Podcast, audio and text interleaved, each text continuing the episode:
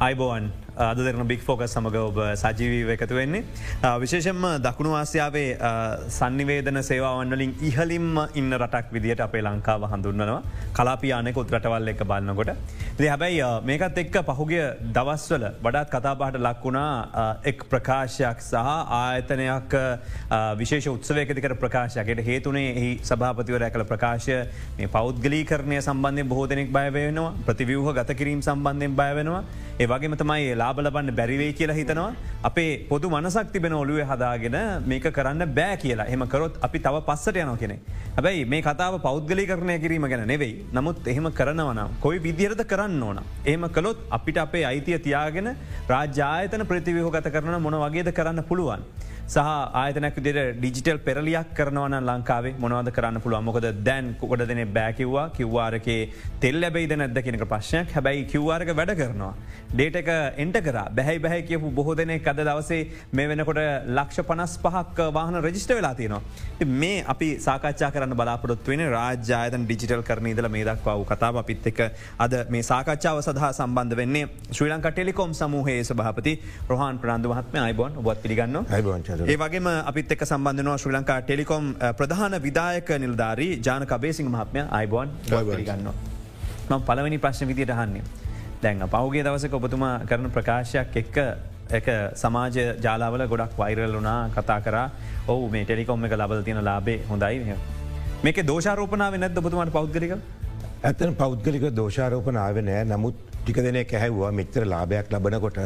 ඇයි අපේ ටෙලිකොම් ගාස්තු අඩු කරන්න බැරි කියන එක. මතන එක සාධාරණ හෙම හපු එක. නමුත් මේක ඇත්ත කපුණ තමයි මේ ලබන ලාභය සියල්ලම ආය ආයෝජනය කරන්න වෙනවා අපිට. මොකද ටෙලිකෝම් පද්ධති දියුණු කිරීමට හැම අවුරුද්ධෙම ටෙලිකොම් සමාගම බිලියන දාසයකුත් විස්සකුත් අතර ගානක් නැවත ආයෝජනය කරනවා. බිලියන් දාසයක් ආයෝජන ආයෝජනය කරන ගේ අවුරුද බිලියන පාලවක් අපි ආයෝජනය කර. දැ මේ අවුද්ධ අපි රච්චර කරන්න පුළුවන් වී දන්න නමුත් ඒක තමයි අපේ දර්ශනය මේ ආයෝජනය කරේ නැත්තං නව තාක්ෂණය ඒ විදිින් පවත්තාගෙන ඇන්ට බෑ. ඉතින් ඒ හැර අනික් සියලුම ප්‍රතිචාර මහිතන්නේ බොහොම සුබදාය ප්‍රතිචාර. එතකොට දැන් රාජ්‍ය ආයතනයක් විදිහට තිබිච්ච මේ ආයතනය මේක පෞද්ගලි කරණයට ලක්වෙනකොට සහ ප්‍රතිවෝගත කිරීමට ලක්වෙනකොට. කොච්චරක් ශාස්තියනවද අපිට රටට අනික් පැත්තට අනිකුත් අයට කොහොමද මේක බෙදිලති මේම ජතුර පිරට ආයෝජනය ආයෝජනකරුවන්ට කියන්නේ මැලේෂයාවේ මැක්සි සමාගමල තියෙනවා සියට හතලි සතරයි දසම පහක් ආසන්න වශයෙන්. එතවට රජයට රිජුව මහබාන්නග මහබාන්නගන්න මේ මුද ලමත්තංශරහතයන සියට හතලිස් නමයයි දසම හතරක්. ඉතුරු ටික තියෙන්නේ ලංකාවේ මහජනතාව අතර ගැන්නේ මේ කොටස් වෙලද පොලේ සංසාරණය වෙන කොටස් හැටියට. නමුත් මේක ප්‍රතිවීව ගත කරන වෙලාවෙදී අපේ සේවකයින්ට මතන සියට දහයකට වැඩි ප්‍රමාණයක් දුන්නා මේක කොටස් කිසිම මුදලක් අය නොකර. මතන ඒක තමයි වෙන්ඩෝන ඉදිරියේදී මතනය ගුලන්න හැබැයි එම දෙනකොට යම්කිසි කොන්දේසි තියනවා එක කියන ඊසොප් කියලා එම්පලොයි ෂෝප්ෂන් ප්‍රොසෙස් කියලා. එතෝට ඒගුලන්ට ෂයා ඒ කියන කොටසේ වටිනාකම ලබා ගණ්ඩ පුළුවන්. කොටසේ ප්‍රතිලාබ ලබාගණ්ඩ පුළුවන්. නමුත් ඒක විකුණනවා එක විකුණන් ඕනේ ආය ආයතනයටමයි ආයතනයේ වැඩ කරන එකනොට ඒක අහිතනදිට. එහෙම කරපුවාම ඇතැන්නේ එහි වැඩ කරන කට්ටියත් මේකට අනුගත වෙනවා මේ අපේ ආයතනයක්.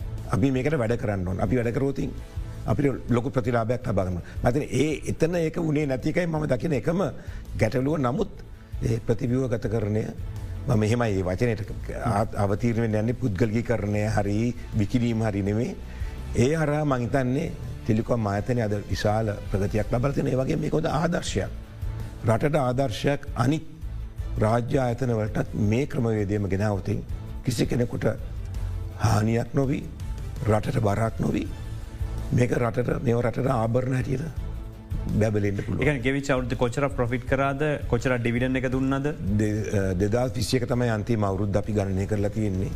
ඒකෙදී අපේ ශුද්ධ ලාභය බිලියන දොළහ මතනේ ඉතිහාසගත ලාභයක්. හැබැයි ඒකෙන් අපි අපි බිලියන තුනක විතර ප්‍රමාණ තුනක් දසම පහක ප්‍රමාණයක් ඩිවිඩන්ට හැටියට ගෙව්වා ප්‍රතිලා බැටියට ගෙව්වා. ඒකෙන් රජයට ලැබුණ බිලියන එකයි දසමාටක ප්‍රතිලාභ චෙක්පතක් ඒ වගේම අනිත් ඇයට එහා සමානව සමාන්තර විදිලගිල්ල තියෙන ඉතුරටික ජනක පිසිං මත් පැ මේකේ දැන් එදහසමසය අනුව දශකේ තමයි මේ ඔක්කොම වෙනස්වීමට ලක්වෙන්නේ. එතකොට ටෙලිකොම් එක අනුවේ කොයි වගේ තත්වකද තිබ්බේ. එතකොට මේක මුලින්ම ජපන් සමාගමට විකුණ නවස්සාාව විරෝධතා ආවා මේක කොයි විදිහටද අවස්ථාවේ ආයතනක් විතර බාරගත ඔබ මංහිතර මේ කාලය පුරාම රැඳ හිටපුගෙනෙක් දෙක සාධාරණ යහනක. අපේ සංස්ථාවක් විදිර තිනවට මට මතක තිර අපිට තිබ්බේ දුරකතන ලක්ෂ විසිපන්දාහක් වගේ. තොර දුරකතන සේවේ විතර ඇත්තර දේ එකත්තර අපිගෙන් ෆික්ස් ලයින් කියන එක. මොබයිල් ජංගම දුරකතන සේවාවක් නෙවෙයි. සාමාන්‍ය රිජු රැහැන් තියෙන සේවාවක්. ඒගැන ලූපයක් ගන්නකම් කාලයක් බලන් ඉඳලා තිබා පොරොත්තු ලේකනගෙන ඉන්නකට පුකාලමේ එතට පොරොත්තු ලේකන මහිතන හිට තව ලක්ෂහයක් විතර. තොර ඒවට සංස්ථාවකදිට වෙනම ව්‍යාපෘති කර. ගැන්න එක් ලක්ෂ පනස්දාහක අලුත් සේවා ලබා දෙන්න ව්‍යාපෘතියක් ඒ වගේ. ඒත් එක්කම එක්දස් නවසේ අනු පහ අනුහය ඒ වගේ කාලය වෙනකොට අන්තර්ජාල සේවාව පටන් ගත්ත ශ්‍රී ලංකට ටෙලිකොම ආයතනය. තකොට ඒවත් එක් එහෙම ගිහිල තම ජපන් සමාගම එනකට ඇත්තටම අන්තර්ජාල සේවය සහ දුරකතන සේවය රජු දුරකතන සේවාන් තිබ්බ. ජපන් සමාගම ආවත් එක්කම කළමනාකාරිත්වය විශාල වෙනසක් ඇති කර. එතකට ගොඩක් අපි පාරිභෝගයට ලංවෙලා පාරිභෝගිකයට අවශ්‍ය විදිහට සේවා සපේ ආයතන බවට ඇතරම පත්වෙන්නේ පරිවර්තනය කරුණේ ඒ ජපන් කලමනාකාරිත්වත් එක් අනි රාජාතන ස්පා නොගහන වෙලා ටෙලිකොම ඇතුම ස්පා හලා ඔක්කොම කරලා මහජන මිත්‍රශීලී පරිසරයක් හැදුවෙන. ඒ වගේ පරිසරයක් හැදුනේ. ඒකත් එක් අපි දෙදස් දෙක වගේ කාලය වෙනකොට ලංකාවේ පලුවනි ඩේට සෙන්ට් එක. නත දත්ත ගබඩා කරන ස්ථානයක් ආරම්භ කලා. ඒකත් එක්ක තව තිබ්බ ලෝකයත් එක්ක සම්බන්ධ කරන සන්දාම කියන්නේ ඔප්ටිකල් ෆයිබ කේබල් එහෙම කලින්ගේ දම්ම තිබ්බයි වනට අලුත් ඉක්මනටම අපි ඉන්දියාවත් එක්ක සම්බන්ධ වනා භාරත ලංකා කියලා. කේබල් එක්කින්. ඉට පස්සේ මාලදීවනත් එක්ක සම්බන්ධ වනා දිරාගු SLT කියලා කේබල් එක්කින්. ඒ වගේ Uh, ප්‍රංශයඉදං ලංකාව හරහා සිංගප්පූරුවට යනකං uh, මුහුදු සන්දාම එක සබමැරීන් කේබල්ස් කියල අපි කියන්නේ එක ඔප්ටිකල් ෆයිබ තාක්ෂණය යොදල ඒ වගේ uh, සන්දාම දිගටම දියුණු කරගෙන ගියා.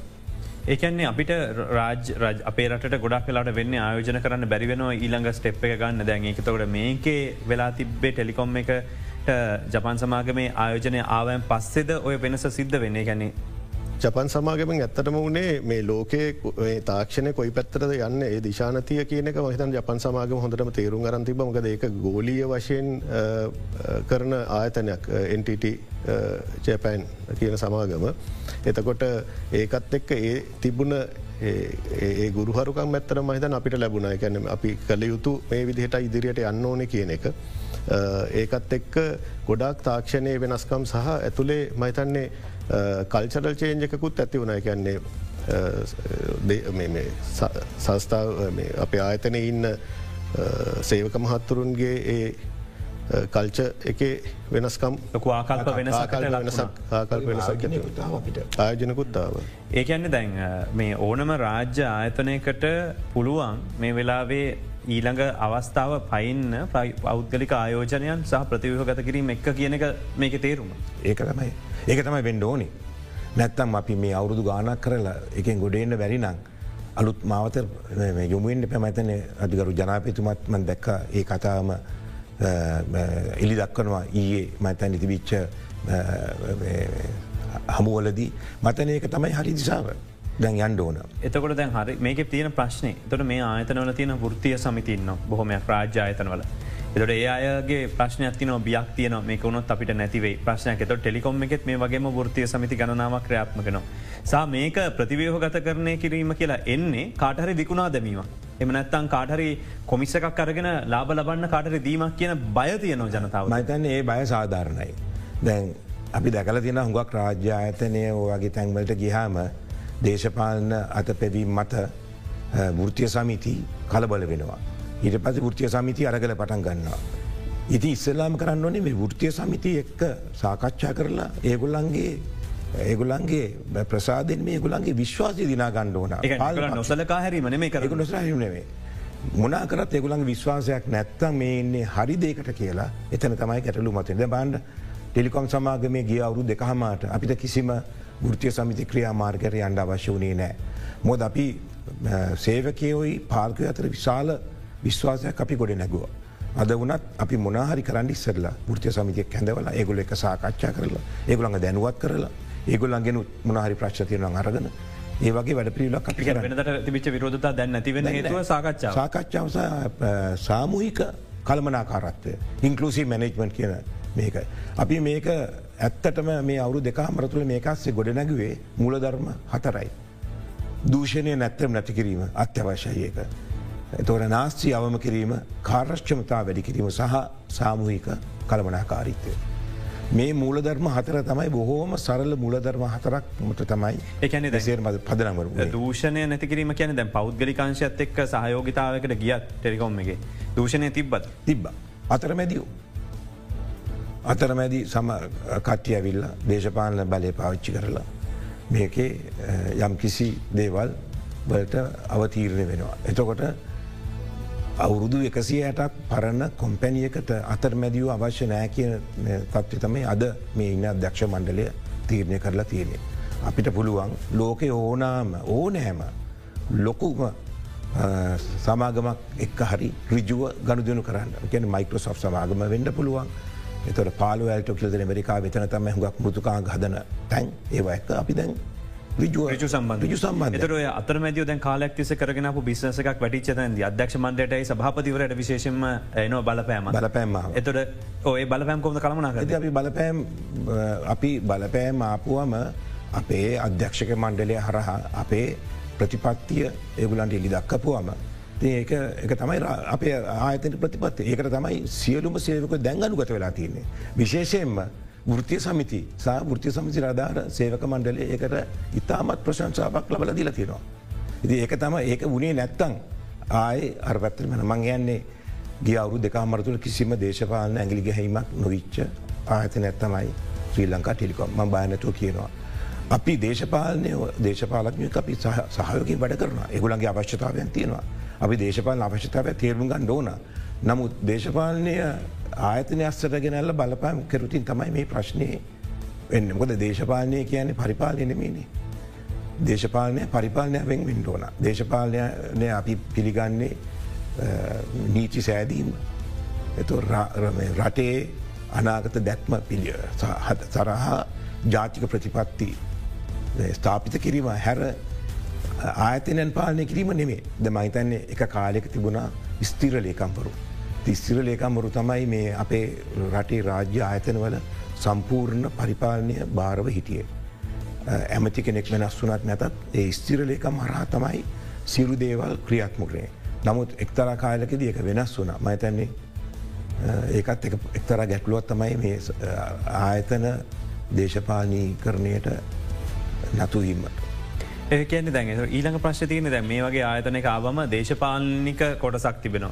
දේශපාලක්ඥාගේ චන්දපොරොන්දු තමයි රස්සා ලබාදීම කොයි හරිතනක එක්කෝ පෞගේ කාලනකිව මෑන් පවේ හරිකමන්න ජොබ් එකට දාල් දෙනවා කියලා.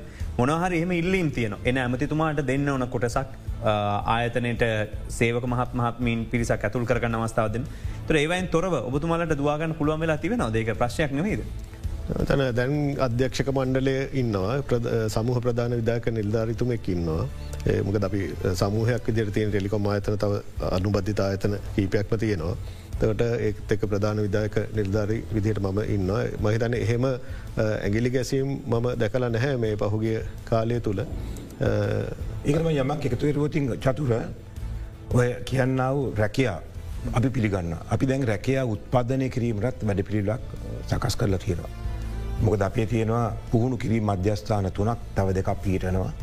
මේ වැලිසර තියෙන පුහුණු කිරීම මධ්‍යස්ථානය එංගලන්තේ හාර්ෆිට්චය විශ්වවිද්‍යාලතක එකතු වෙලා තාක්ෂණ උපාදි ලබාදීම සඳහා කටයුතු කරනවා. අපිට පුළුවන් එක්දස් පන්සියක් දෙදහකට විතර රැකයා උත්පාදනය කරන්න අවුරුදු දෙකක් තුනක් ඇතුළට. දැන් ඒ ඒ මාර්ගයට අප යොමු වෙලා තියෙනවා ඒ හරහා යම්කිසි දේශපාලන කොට්ටාශයකින් ඉල්ලුමක් ලැබුණොතින් හරි ක්‍රමය හරහා අපි ඒ ළමයින්ම ඒ පුද්ගලින්ම තාක්ෂණය දිගුණු කරලා ඒ රැකිය ලබා ගැනීමට ක්‍රමය පෝසක කරලා හරියට හරියටෙන්ට ඒකන හරිපාරෙන් අවතින් දේශපාලනය හරි මොනාරිකමක් නෑ නමුත් වැරදිපාරෙන් අවතින් තමයි මේක ප්‍රශ්නයක් වෙන්නේ. මේක මංහිතන මේ තව මේ අතරමද සාකච්ඡා ගුඩ්න ගනකට අමතර ප්‍රශ්නයක් දාන්න වෙන මොකද ජනතාවගේ ප්‍රශ්න තියෙන හිද මේ පහුගේ දවස්සල ඉතම ජනප්‍රිය වෙච්ච පියෝටවගේ තිබිච්ච චැනල්ස් ගොඩක් දැම් වැඩ කරන්නේ නෑ සති දෙකයි මේ කාලේ. මේ කාහන්නේ නිලූෂරණසිංහ ප්‍රශ්නයක් විදිට ස්පේස්බුක්ේ මොකදේ. ඒකට ඒකට ඇත්තටම ප්‍රශ්නය අපේ ඔය සියලුම වැඩසරෙන් හුගාත් වැඩසටහන් අපි ලබාගන්නේ ජාත්‍යන්තර ආයතන වලින්. ඒවට ගෙවන්ඩ ඕනේ ඩොලර් වලින්. ඉතින් ඔය ස්ටා ටෙලිවිෂන් ඒවයි ගත්තාම අවශ්‍ය තැනලුත් අන්නවශ්‍ය තැන්ලුත් ඒර අපිට ගණඩ වෙනවා එක බොක එකක් කියර ගන්නේ කාණ්ඩයක් ඇටියට ගණ්ඩෝන. ඉතින් අපි ඒ ගාන ගෙව්වතින් මේ තියෙන මූල්‍ය අර්බූදය හර අපේ ආතන අර්බුදයක් නෙමේ රටේ තියෙන මූල් අර්බුදය හරහා අපිට මේ ආයතනය පාඩු පිට තමයි දුවන්ඩ වෙන විශාල පාඩුව දරන්නවා කෝමුණත් පියෝ ටෙලිවිෂන් එක ඉතා ලොකු ආදාමයක් ලබනාතනයක් ලොකු පාඩුවක් ලාභයක් ලබනාතනයක් නෙමේ නමුත් ඒ අපි අත්‍යවශ්‍ය සේවාවක් හැටියට ටෙලිකොම් ආයතනයේ එක දිශාන්තයක් හැට අපි පවත්වගෙන යන්නේ. නමුත් මේ වෙලා තියෙන දැන් ඩොලර එක තුන්සී හැට ගිහාම අපි මේකට බැඳිල අපි මේක රස්සං කල තියෙන ඩොලර එක දෙසි ගනන්වල තිවිච්ච ගනන්වට දැන් හම ඩොට රුපියල එකසි වන ගන වන්ඩ ඩොලර් මිලියන දෙක තුන වගේ ගණන්. දෙකින්ද අපි දැන් දෙන්ඩ ඔන්න අවශ්‍යමදේ සාධාරණි කර කරන්න යනවා. ඉදිරියේදී අපි ඒගොල එක දැන් සාකච්ඡාවන් කරගෙන යන කොහොම ද අපි මේකින් ගොඩ ඉන්න කියල්මයි තන්නේ තා මාස දෙකතුන ඇතුළත අපිට යම් කිසි ගතියක් ලබාගණ්ඩ පුළුවන්. මේක කොටසක් විදර ගත්තොත් එක ඇමතිවරු වෙනකොට එක කාලවලද අපි ගොඩක් රූපානි වැඩසටහන් කල තියනවා ආණ්ඩුවේ ඩිජිටල් කරන වැඩසටහන පටන් අරගත්ත ටෙලිකොම් එක. දර මුල්ලාදීරේද කිව්වේ ආයතන දෙසිය පණහක් ආයතන තුන්දස් පන්සියක් මේකට එක්කාසු කරනෝ කියල චාලගත කිරීම කරනවා මේ සියල කරනවා කියලා. දැම් මොන තත්වද තියෙන්නේ. මහිතල ඔය කියන්නේ ලංකා ගවන්ම නෙට්ුව කියල ලංකා රාජ්‍ය ජාලයේ. තොර ඒක ව්‍යාපෘතියක් විදිහට දෙදස් පහේ විතර පටන් ගත්තේ මුලින් ආයතන මුලිම තුන්සේ ගානතල පස්ස පන්සේ හැත්ත පහකට වගේ වැඩි වුණ. එතොට ඒවට අපි ශ්‍රී ලංකා ටෙලිකොම් ආයතන විදිහට සම්බන්ධතාව ලබදුන එක්කොම ජාලගත කරන එක එතනදී කොප ලයින් වලින් තම අපි සම්බන්ධ කරල දුන්නේ. තොට එහෙම තියෙනකොට දෙදස් දාසේ විතර දා හතේදි පමණ LGN2 ලංකා රාජජාලය දෙක කියන එක පටන් ගත එතන ආයතන අටසේ හැටක් සම්බන්ධ කර ඒවා අපි සම්බන්ධ කරේ ඔප්ටිකල් ෆයිබ තාක්ෂණයෙන් ඔප්ටිකල් ෆයිබ තාක්ෂණයෙන් ලංකා පුරා තියෙන රාජ්‍යායතන අටසේ හැටක් මේ වෙනට සම්බන්ධ කරලා තියෙනවා. ඒකේ ඊළඟ පියවරි විදිහට තමයි ඔය තුන්දස් පන්සියක් ජාලගත කරන uh, සැලස්තුම තිබ්බේ. නමුත් යම් යම් හේතු මත ඒ රාජ්‍ය ජාලය දන්ටත් පවත්වාගෙන යන අටසී හැටක් ආයතන සම්බන්ධ කරගෙන. නමුත් ඒතනින් ඔබ්බටයා ගන්න තාමත් මතන්නේ අපහසදාවයක්කට පත්වෙලා තියෙනවා ද මම පෞග කාලේ කොවිඩ් කාලේ හොය බැලීමක් කර විශේෂම ශ්ලක පොලිසිය වුණත් ආයතන පොලිස් පොලිසියේ ආයතන පරසියකට වැඩි ප්‍රමාණයක් ජාලගත වෙලා තිබෙනවා. නමුත් එක ලොකු මුදලකුත් ගෙවීමකුත් සිද්ධ වෙන. වගේම සංස්ථා ප්‍රාදේශ බාලේකම් කාරයාල මේ ඔක්කොම ජාලගතලා තිබුණට අපි මේකින් වැඩගන්නේ නෑ. එතොට ඊඩඟ කොටස කරලා නෑ එමනත්තා ඒගොල්ලු එකට අනුගත වෙලා නෑ. ඔබතුමල්ල හිතන්නේ මේක බිද වැටෙන් මොකද හේතුවක රාජ්‍යාතනට යන්න ගහම තම පිංග පින්ට් එක ගන්න ප්‍රදේශ කාරලන පුළුවන්කුවට අබ පාරක් අපි කොළ හතට එන්න ඕන මොනවද මේක තියෙන ප්‍රශ්න. එකක් තමයි ලංකාවේ. දැන් එක අමාත්‍යංශයේ දෙපාත්මෙන්තු හරහා ජාලගත කරනවා ඒ ව්‍යාපෘති කරගෙන යනවා මිසක් අර ආයතනයෙන් දෙන්න ඕන ලැක රාජය විදිහට දෙන්න ඕන සේවාවන්. එක පොදු ජාලයකට ගේන එක අද වෙනකම් කරගන්න අමාරු ලතිනොකද රාජ්‍ය ජාලය අදට අටසි හැටක් තියෙන ප්‍රාදේශලේකම් කාරයාල දිස්ත්‍රික් කැන්ලේකම් වරුන්නේ වගේ යම් යම ඇතන මේ රෝහල්ලේ වගේ දැන්ට සම්බන්ධ වෙලා තින. දෙනට ඔය කියන රාජ්‍යායතන ඔක්කොම ගත්තාම තමයි තුන්දස් පන්සේ තනින් හට හදස් පන්සිකට තර ගිල්ලා ග්‍රම නිලධාරීන න්න මතන දාහතර දාහක් විතර තොට මේ ඔක්කොම මේකට සම්බන්ධ වුණොත් තමයි අපිට රජය විදිහට ජනතාවට හරි පොදුවේ සේවයක් දෙන්න පුළුවන්ගෙන ඊ සර්විස්ස එකක් විදිහට. තින් එතන එක ප්‍රශ්නයක් තියෙනවට හිතෙන්නේ අනික් එක තමයි ඒක තම අර්කයන සයිලෝසල් වැඩ කරන්නේ ගැන්නේ තම තමා එතන තමන්ම ව්‍යාපෘත්ති පටන්ගෙන කරගෙන යනවා ඒ අනික්කේවත් එක සම්බන්ධ නොවීම. තින් ඒක ඉස්සල්ලම වෙන්න ඕනේ මම හිතන කොයි හරි තැනකින් රජයෙන් එක තැනකින් මේක පවත්තාගෙන යන තැනක් එන්න ඕනේ. දැන් අයිසිට අතන තියෙනවා එතන පොලිසි මේක කෙනෙක් විදිහට. එවුනාට ඒක අර තල්ලු කරගෙන යන්න තැනක්. මහිතනෙක් කරන්න තැනක් කොහක් කනෙක් කරලා මේක ඩ්‍රයිව් කරගෙන යන්න මේ ව්‍යාපෘති එහෙම තැනක් මහිතන එහෙම තාම නැහමකද අපි කරන්නේ සේවා එකන සංවේදන සේවා සැපිම් කරුවෙක් විදිහට එම නැතන් දිජ තාක්ෂණ සැපිම් කරුවෙක් විදිහට සර්විස් ප්‍රවයිඩ් කරන එක සහ අපිට පුළුවන් පපලිකේන් ඩෙවලප් කල දෙන්න. හැබයි අපිට ප්‍රෝග්‍රමයක් විදිට රජය වෙනුවෙන් කරන එක මතන එක රජයේ කාර්යභාරයක් වෙලා තියෙන් රජයන සේවා පවත්වාගෙන යන්න. තොටේ එතන ඩ්‍රයිව් එක රජයෙන් එන්න ඕන. අනික් එක තමයි ඒකට එන්න මුදල් ප්‍රතිපාදනවල ප්‍රශ්න අපි දැකල තියෙන දැන්ගේ ව්‍යාපෘති පටන්ගත්තර පස්සේ එක දිගට කරගෙන යනක අපි සස්ටේන් කරන්න කියලා ති එතනද එමටකට පොටි උදාහරණය දෙන්න පුළුවන්. අපි අර කෝවිඩ් කාලයේදී ගිල්ල මමත් ගියා සෞඛ්‍ය දෙපාර්ටමෙන්තුවට. අපි දෙන්නම් සිිස්ටම් එක මේ සෞඛ්‍ය දෙපාර්තමෙන්තුවේ කාර්යභාරයන් දිජිටලි කරණය කරලා එක්තර අපේ දත්ත ගබඩාවල සාපිත කරලා. ඒක යන්නේ අප කොටිම කෙනවනම් තමුන්ගේ වෛද්‍ය රිපෝට් රෙකෝඩ් සික වනත් ඒවල ගබඩා කරලා දුරස්ථ විදියට වනත් මේක කරන්න. ඒක කැමිතුනාට මහිතන ඒ වෙලාවේ ඒගොලකෝ ඒගොල්ලොත් එහෙම ක්‍රමයක් හදාගෙන යනවයි කියලා. සෞඛ්‍ය දෙපාර්තමේත්ව තුළ. ඒකෙන් ඒක තමයි මේක ඇනටින්ට ලොකම බාධ වනේ. අදවලක මන් දැකලන මේක වෙලා තියන කියලා සෞක දෙප යෝජනාව කිදර දැන්? ඇතර මොබදමල්ල බිලියන දොලහක දහතුනක විතර ප්‍රමාණය හැම අවරුද්ධක ආයෝජනය කරනකොට. අවුරුද්ධට එක ගානේ රාජ්‍යාතන බොහොමක සර්විස් තියන මේ රුපියල් සිය දෙසිය දේල මිනිස්සුන්ට ගන්න පුළුවන්න්න ඒක ඇතරම හරි ලේසි වෙන. ඒවගේ ටෙලිකොම් එකට කරන්න බැයිද? රාජ්‍යංශත එකතු ලයික ඩේට ප්‍රටක්ෂන් ක්ට එක ප්‍රශ්න තියනවද? මනත්තන් ජාල ඒකනේ මේ සම්බන්ධ ඊළඟ පිම්ම පැනගන්න බැරුවත් කොහරි බ්ලොක් එකක් තියෙනවද? මොකද මම මම දකින අපි අපි අපි හොඳට කරපු මේකක් බලමු. ඒක තමයි මෝට මෝට කියන මේ රතවාන දෙපාර්තුමෙන්තුවේ මොනාද ලයිසන් එක ගණ්ඩ ඕන මෙඩිකල් ටෙස්ට එකක් වෛද්‍ය පරීක්ෂණයක්. එක්තරා කාලෙකෙද මේක සම්පූර්ණයෙන්ම තරවකාරන්ගේ ග්‍රහණයට අස් වෙලා තිවිච්ච තැනක්. පාන්ද රැවිලා ඉටිස්සල් රැවිල්ල පෝලිමේ දල සල්ලිකෙවලා ඒකට අවස්ථාව ලබාගන්න එක. ඉතින් අපි ඒක ඩිජිලි කරණය අරය සම්පූර්ණ විසඳපු එකක් තමයි ඔය රත්වා දෙපාර්තුමෙන්තුවේ ඒක තමයි මයි තන්නේ ඉතාම කෙටිකාලයකින් කරන්න පුළුවන් වෙච්චදේ. ද ඒකට ඒල කළමනා කරත්තෙන් දෙපාර්ත්මටලින් දායකත්වය ලැබෙනවනම් අපිට අපි මේවා කරන්න හිට උනත් ලැස්සි. අපි ඒක තමයි දැන් අපි එදා ඉදිරිපත් කරේ ඒ සඳ අපි පොත් පිංචක් දැන් හදල තියෙනවා. ඒ අපි බලාපොරොත්වන භාසතුනෙන්ම ඒ කරාගෙන යනවා. මහිතන්නේ එන සුමානේ අපේ අපි ඉදිරිපත් කරන ක්‍රමයන් සහ අපිට කරන්න පුළුවන් දේවල් සීලුම දෙපාර්තුමෙන්තුවලට ඒක නිලධාරින්ට සහ රජයේ ඇමති මණ්ඩල ජනපති ගරු ජනතපුනාට කර අග්‍රමතුමාට අපි පිළිගන්නවනවා. එතනින් මේක පටන්ගත්වතිමං හිතන්නේ අපිට යම්කිසි ප්‍රගතියක් ඉතායික් මනි ලබාගන්න පුළුව මිනිසු රස්තියාදුව නැති කල ප්‍රශ්න ඇති කල්ලා ඉට දෙයක් කන්න එතට කොයි ආයතන හඳුර ගැනීම ලක් කල තියෙන දැ මෙන්න මේ ආයතනවලට අපිට මේ සොලිෂන් එක ගේන්න පුළුව අපි මගතන්නේ අපි ඔය සෞඛ්‍ය පද්ධතිය ඒ වගේම අධ්‍යාපන පද්ධතිය එතවර ප්‍රවාහන.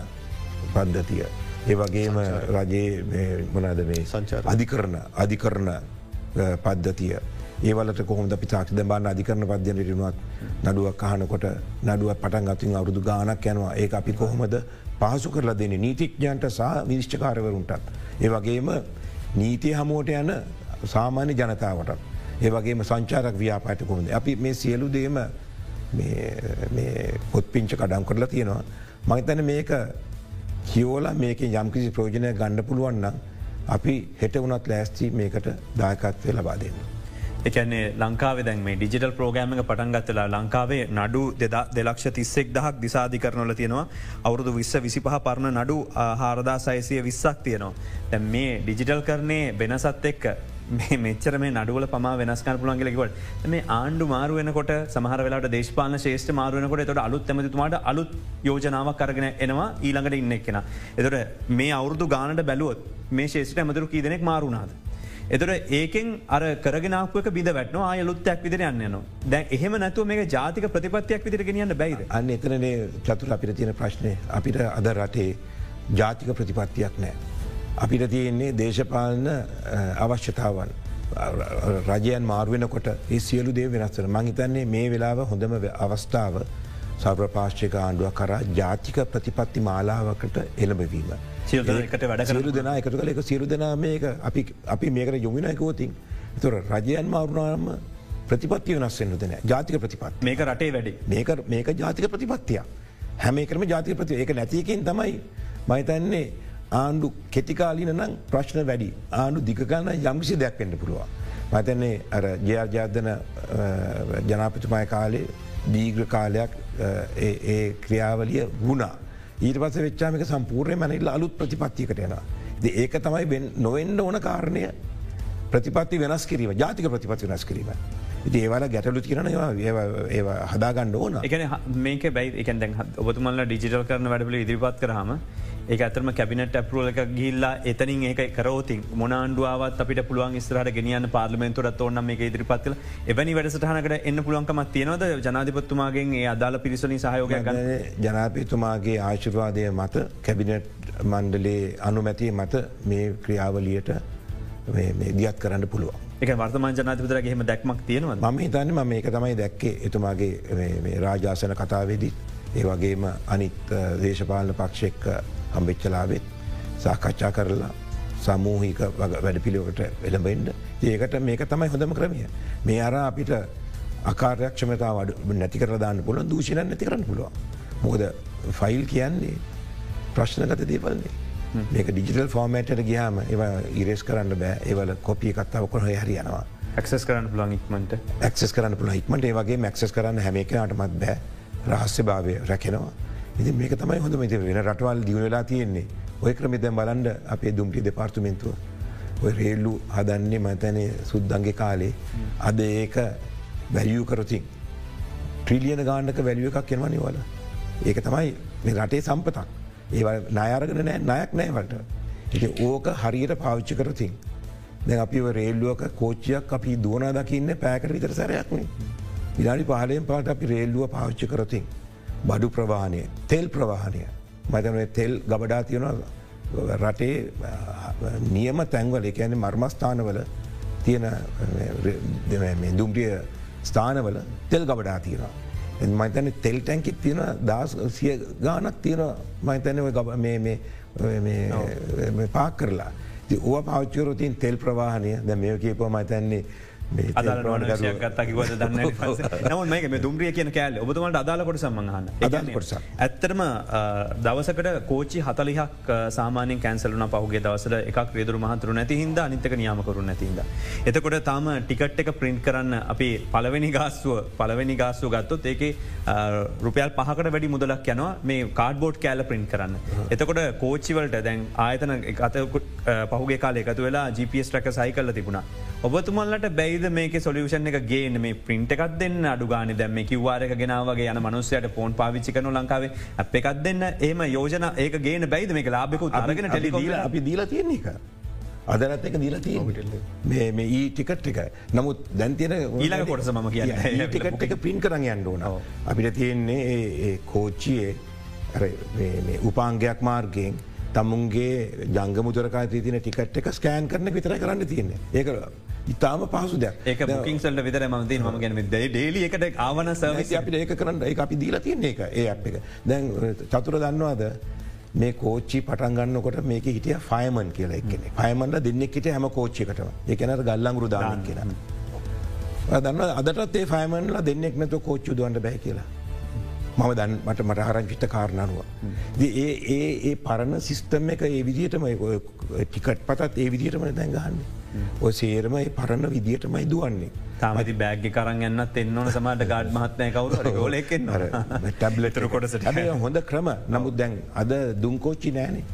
ස්ටීම් එන්ජින්ස් නෑ. ඇති ස්ටීම් එජි තමයි ෆයමල්ල දෙන්නෙක් හිටියේ. මතන්නේ මට ආරංචිච කාරන සමයිටම නිවැරදි දැන්ගේම නිවරදි වෙලාද මන්දන්න තාම කෝච්චියක් දුවන්න ෆෑමන්ලත් ඕන ඒක තමයි පොටකෝල් එක කෝච්ච දුවන්. අපි කතා කරමු මේ වෙනස් වියයුතු තැන් එක්ක වෙනස් කරන විදිහ ගැන මේ විරාමේ අනතුරුවත් මේ අද දෙරන බිග් ෆෝකස්.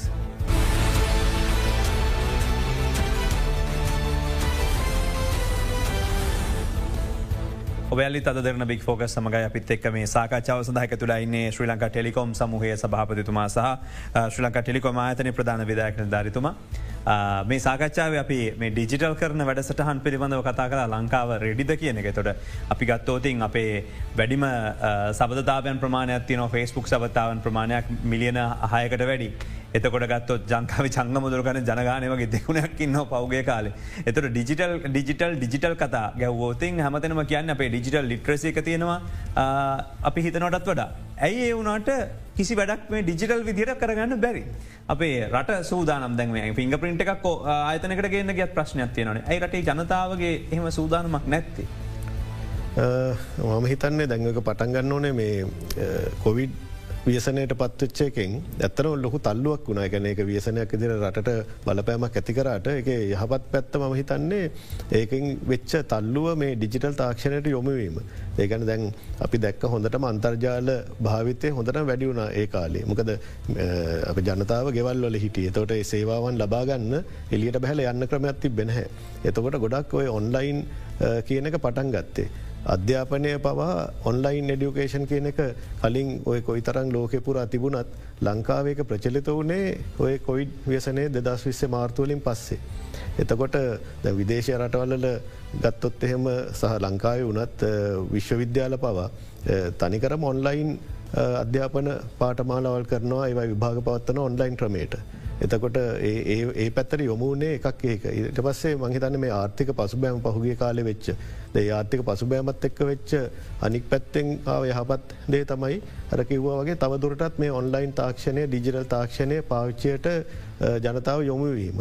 ඉතින් එතවට ඒකත් එක්ක ඔය ජංගම දුරකතන පවම හිතන්නේ ස්මාර්ට් ෆෝන්ස් කියනව වුනත් වියදම වැඩි වුනත් ගන්න පෙළබුණා එකන්න ලැප්ටොප්ස් වගේවා පරිගණක ගෙවල්වලට ගන්න යොමුණනා දෙමවපියන් පවා. මොකද මේ ඔන්ලයින් අධ්‍යාපන ක්‍රමය නැත්තං එහෙම නැතුව මේ කරන්න බැරි නිසා.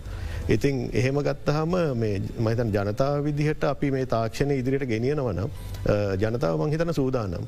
තොට අනික් පැත්තෙන් ගත්තොත් එහෙම ශ්‍රී ලංක ටෙලිකොම් වගේ ආයතනයක් අතර ඉන්න මේ ජනතාව අපි සේවේ ලබා දෙන්න ඕනේ ජනතාවයි මේ සේවය සපයන්න තියෙන රාජ්‍ය ආයතන තොටේ රාජ්‍ය ආයතන ගත්තොත් එහෙම අතන ඒගොල්ලන්ට නිකන් දීර්ඝ කාලීන ක්‍රියාකාරී සැලසුමක් තියෙන් නොනව ප්‍රායෝගික වෙන්න නති අපි බලන්න ඕනේ මොන මොන ශේත්‍රවලද වැඩිපුරුව මේ වගේ සේවාවන් දෙන්න ඕනෙ කැන රජය විදිහට අධ්‍යාපනය සෞඛ්‍ය ප්‍රවාහන තොට වැඩිම ආදායම් ලබන අපි වැ තුන්වැනි වගේ ආදායමක් ලබන්නේ සංචාරක කර්මාන්තය.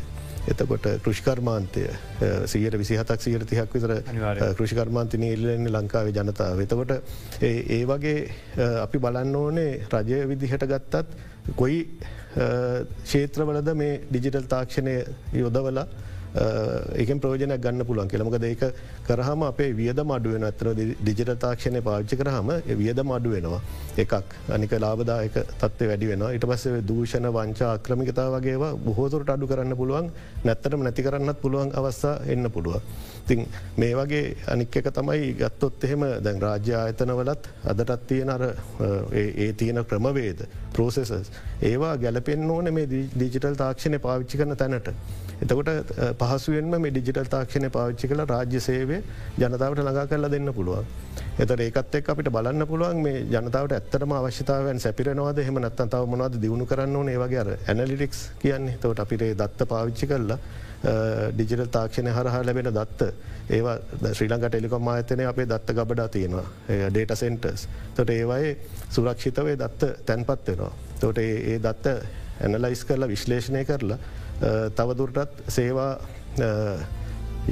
වඩා යහපත් විදිර කොහොම දෙන්න කියන ගමන්සාවක තියෙන ඔබතුමලගේ යටතද නැත්තං මේ වැදැන් තොරතුරු ඇත්තරම අයිතිය තියෙන්නේ රජයට. එහම නැත්තන් ඒ පුද්ගලයා ඇත්තේ. අපි ආයතනක් විදිට කරන්නේ දත්ත ගබඩා කරලා තියෙන එක සුරක්ෂිතව. ඒකටත් අර අපි ගත්තොත් එහෙම දැන්ඔය ඩිචිටල් අනන්‍යතාව කියන එක ඩිජිටල් අයිඩ කාඩ් එකක් ගොඩක් රටවල්ල එක භාවිතා වෙනවා. ඉන්දියාව තින ආධාර කියල කාඩ් එකක් එතට ස්මාට අයිඩිය එමනත් ඩිජිටල් අයිඩිය එක කියන එක. කරන්න අන්නතාවේ තහවුරු කරන එක. තොට දැම්මං කවද කියන එක ම ඔප්පු කරන්න ඕන තහවුරු කරන්න ඕන මගේ අන්නතාව අදට තියෙන් ඕක ජාතික හැඳුරුම් පතක් තියන එමනත්තන් විදේශ ගමන් බල පත්‍රේ තියන හෙමනත්තන් ්‍රියදුල බල පත්‍රේ තින ඒවගේ දෙයක් දීලා එමනත්තන් තමන්ගේ අත්සන යොදල. තොට අත්සන බලනවා කලින් තුන් අත්සනත්තක සමානද කියලා. ඒවගේ දේවල්ලින් තහවරුවෙන්න හැබයි ඩිජිටල් තාක්ෂණය පාවිච්චි කල්ලා අපි දත්ත ගබඩා කරලා තියෙනකොට ඒකට තියෙන ඔය ඩිජිටල් අයිඩ කියන එක එයාට අනන්‍ය වෙච්ච අංකයක් තිනද ජාතික හැදුණු පතේ තියෙනෙත් තමන්ට අනන්‍ය වූ අංකයක්. ඒ වගේ තමන්ට මන්නන්‍යෝ අංකයක් තමන්ගේ ඡායරූපය තමන්ගේ පෞද්ගලික තොරතුරු. ඒකත් එක්ක මේ බයෝමෙට්‍රික්ස් ගැන ජීවදත්ත ඇගිලි දහයම සලකුණු අයිරිස් කෑන්න එක ඇහේ තියෙන ඒ ඒව දාලා ඉලෙක්ට්‍රොනිකලි ඒ කාඩ් එක තියෙනවා. එතකොට ඒක තමයි අපි තහවුරු කරන්නේ අනන්‍යතාවය මේ සේවාවන් ලබාගන්න. නොම කෙටි ප්‍රශ්නකිද රවද මේ කොවිඩ් කාලේ ගැන කතා කර තල්ලුවක් කාව කියලා. මේක රාජ්‍ය අංශයට මේක පරිවර්තනය වෙනවන මොනවගේ දායකත්ව දක්වන්න පුළුවන්ද සහ තුර කොවිඩ් කාල තම බතුමා සභාපති බවට පත්වවෙන්නේ සහ ඉට පස ආර්ථික අර්බුද දේශපාලන අර්බුද මේ අර්බුදකාරි වාතාවරණ තමයි මේ ගාන ලාබේ හදන්නේ. කොහොමද මේ අභියෝග බාරගත්තේ. ඇත්තටම ඒ ලොකු අභියෝගයක් වුණ අපිට කෝවිඩ් කාල විශේෂම අපි කවුරු නොදන්න දෙයක් දැ අපේ ආතනල තියෙනවා බිස්නස් කන්ටිනිවේශය කියන්නේ පරිපා කැන බිස්නස් එක ව්‍යාපාරය අකණ්ඩව පවත්වාගෙන යෑමේ ක්‍රමවේද එක ගැන BCP කියලා. ඒක බලපුුවම කොයිඩ්ඩක්තිය මේ වියසනක් ගෙන සඳන් වෙලා නෑ මත මිරිස්ත්‍ර වියසනක් ඔයගේ වෙලා නැති හිද. ඉති අපිත අමුතියෙන්ම අපි සේරම එකතු වෙලා විශේෂයෙන්ම වෘතිය සමිත් එකතු වෙලා. අපි මේ BCP එකක් හැදවා. කොහොමද ඉස්සල්ලාම අපිට අවශ්‍යලා තිබුණේ අපේ සේවකයන්ගේ සුරක්ෂිත භාවය. මතන්නේ ඒ අපි සියට සියත්ම සාතු කරපු ආතනයක් SLT මොබිටල් සමූහය. අපි කිසිම සේවකට වැටෙන්ට දුන්නෑ. සේවක කරන මේ සේවකකි පවුල. ඒවගේම එගුලන්ට අවශ්‍ය බේත්තේ ආහාර සහයෝගය කැනෙකුලන්ට අවශ්‍ය ආධාර සියල්ලම ගෙවල්ලටම ගිල්ලා සැපීමට අපි අපිට හැකිබුණා මේ අපි දියත් කරපු ක්‍රමේද හර එකත් ඩිජිටලි ඩිජිටල් තාක්ෂණයෙන් කරපු දෙයක් අපි ඊ චනලිංග හරා හුඟත් දේවල් අපි කරා. තිමයිතන්නේ ඒකෙදී තමයි අපිට දැනුනේ මේ ආතේරේ තියෙන ශක්තිමත් භාවය සහ මේ ආතනය කරන්න පුළුවන් දේවල්.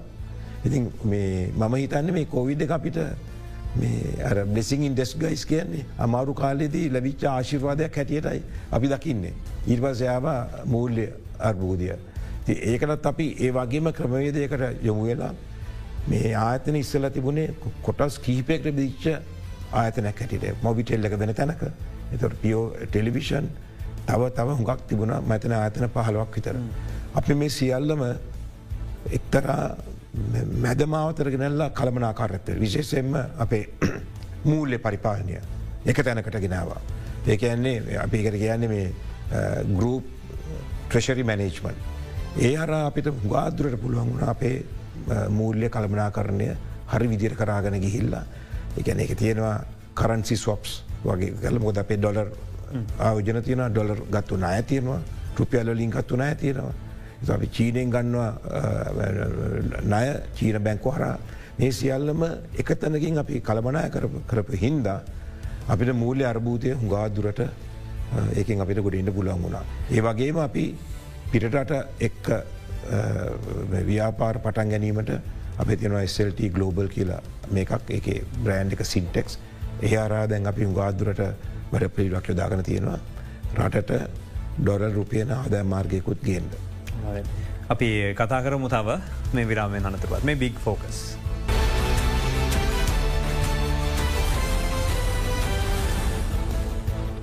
ඔවැලිත් බික් ෆෝකස් සමඟ අප කතා කරන්නේ රජයේ ඩිජිටල් වැඩ පිළිවල සහ වගේම ප්‍රතිවහෝ ගත කිරීම කිව්ව ගමන් බයවෙන මොහොතක බයවෙන් නැතුව කොහොමද මේක අපේ රටේ අනන්‍යතාව ඇතියාගෙන අපි කොහොමද වැඩකටයුතු කරගෙන යන්න කියලා අපේ ශ්‍රී ලංඟ ටෙලිකොම් සමහත් එක්ක.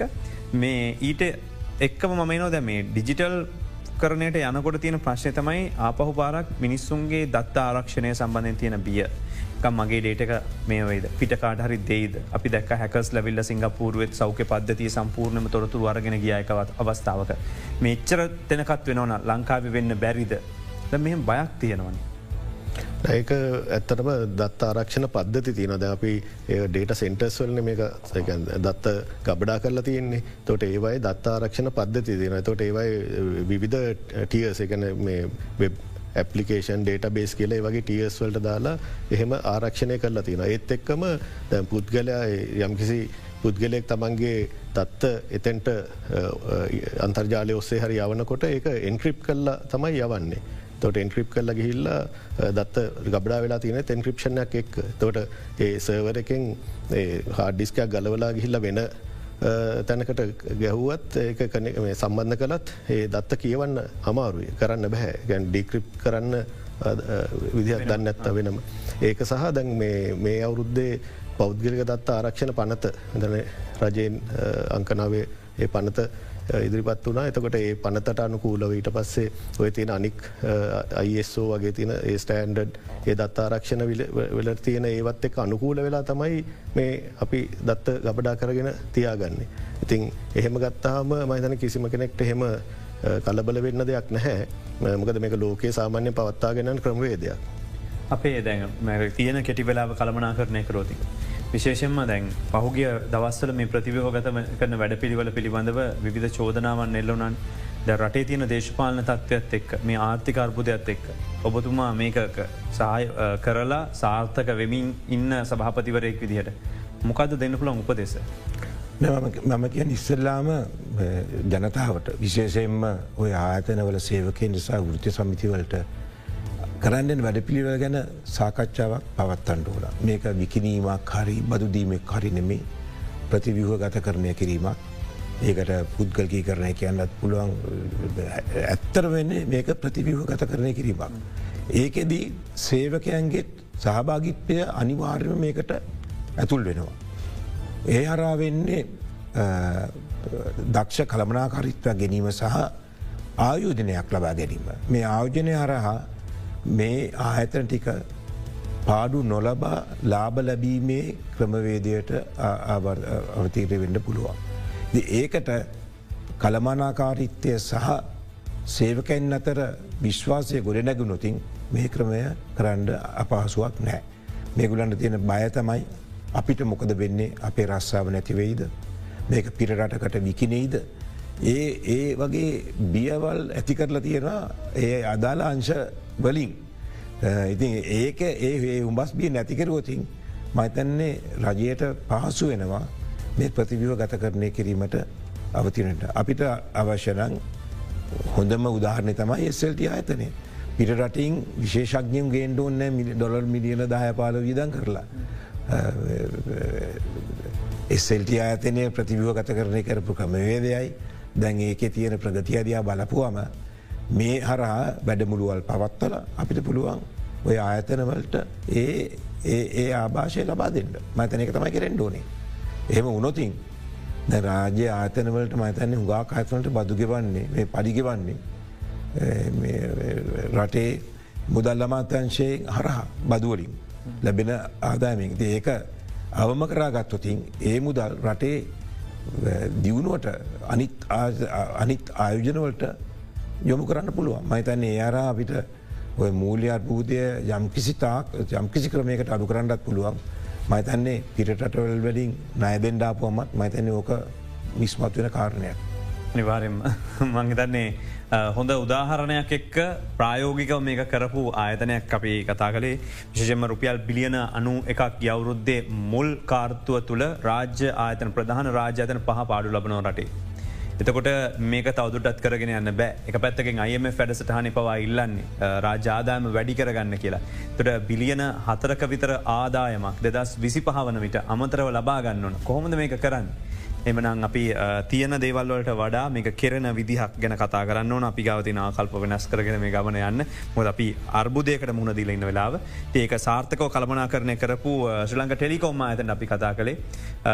බෙන්ම සූතිවන්ත නොබතුමලට සම්බන්ධනට විශේෂම කොවිඩ් කාලේ ආර්ථික අර්බුද මේ ඔක්කොම තියාගෙන ආයතනයක් දෙර ලාබහදල ජනතාවට ගෙවලා ඒවගේම රටට සහ ප්‍රතිලාබීන්ට ඒසිියල්ල ලබාදීලා අපිත් එක් සම්බඳන ශ්‍රලක ටෙලිකොම් සමහේ සභාපති රහන් ප්‍රාන්ධ මත්ම බොම සූති වගේ වගේම ශ්‍රී ලංක ටෙලිකොම් මාදන ප්‍රධාන විදායකන ධරී ජාන කබේසිං මත්ම පොම ස්තුති වගේම ශ්‍රලක ටෙලිකොම එක සයක මහත්මහත්මින් පට ස්තුති මේ කරපු දේ ප්‍රායෝගිකව අපට අනිකුත් හැම දෙනාටම දැකබලා ගන්න කියල දුන්නට. ගින්ගෙන් නං අහමනං මේ බික් ෆෝකස් නිමාව.